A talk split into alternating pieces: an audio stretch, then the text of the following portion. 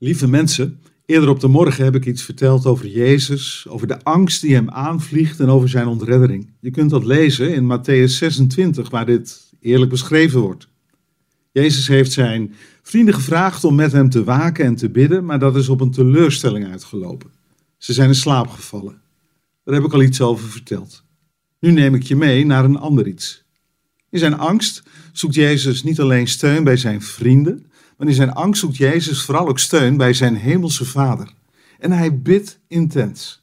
Deze woorden. Vader, als het mogelijk is, laat deze beker dan aan mij voorbij gaan. Maar laat het niet gebeuren zoals ik het wil, maar zoals u het wilt. Een gebed dat ook ons op allerlei manieren bij de hand neemt. Denk hier eens aan.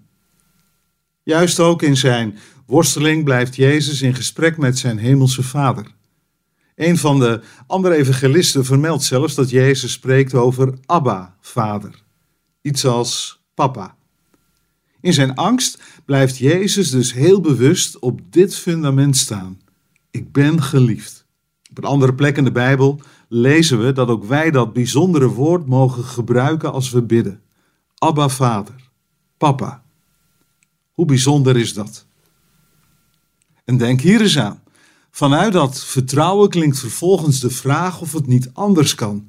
Laat deze beker aan mij voorbij gaan. Maar in één adem door spreekt Jezus ook uit dat hij Gods weg wil volgen. Laat niet gebeuren wat ik wil, maar wat u wilt. Even een misverstand uit de weg ruimen. Hier klinkt niet in door dat we bij alles wat fout gaat in ons leven dan maar moeten uitspreken dat God het blijkbaar zo gewild heeft.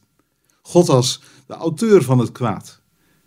Nee, dit is een bewust moment van overgave. Ik wil doen wat u van mij vraagt. Ik wil de weg bewandelen die goed is in uw ogen. Jezus wil zijn hemelse vader gehoorzamen, want hij houdt van zijn vader en zijn vader houdt van hem. Uiteindelijk is liefde het sleutelwoord en in het licht van de liefde verdwijnt de greep van de angst. Als ik het kort moet samenvatten, in zijn angst en in zijn worsteling met God vindt Jezus uiteindelijk ook de kracht om verder te gaan en zijn angst te overwinnen. Ik las ooit een voorbeeld van Tim Keller dat mij geholpen heeft om hiermee verder te gaan. Stel je voor, zo gaat het voorbeeld, stel je voor dat je met een rubberen bootje met een noodgang in de richting wordt gevoerd van scherpe rotsen die uit de zee steken.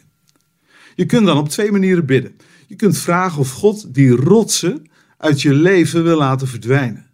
Dat is begrijpelijk. Natuurlijk moet je dat aan God vragen. Als die rotsen in mijn leven er zullen zijn, zal dat ook mijn gebed zijn. Maar je kunt God ook vragen of hij het niveau van het water wil laten stijgen. Anders gezegd, de rotsen en tegenslagen blijven dan op hun plaats, onbegrijpelijk. Maar juist dan bidden we God om kracht om deze tegenslagen aan te kunnen. Dat is ook het wonder van dit verhaal over Jezus. Jezus viel op zijn knieën en smeekte God of de rotsen onder het water mochten wegzakken. Het gebeurde niet. Maar toen Jezus opstond, was het water gestegen. Hij had de kracht gevonden om naar het kruis te gaan en ons vader op zijn schouders te dragen. Liefde overwint de angst.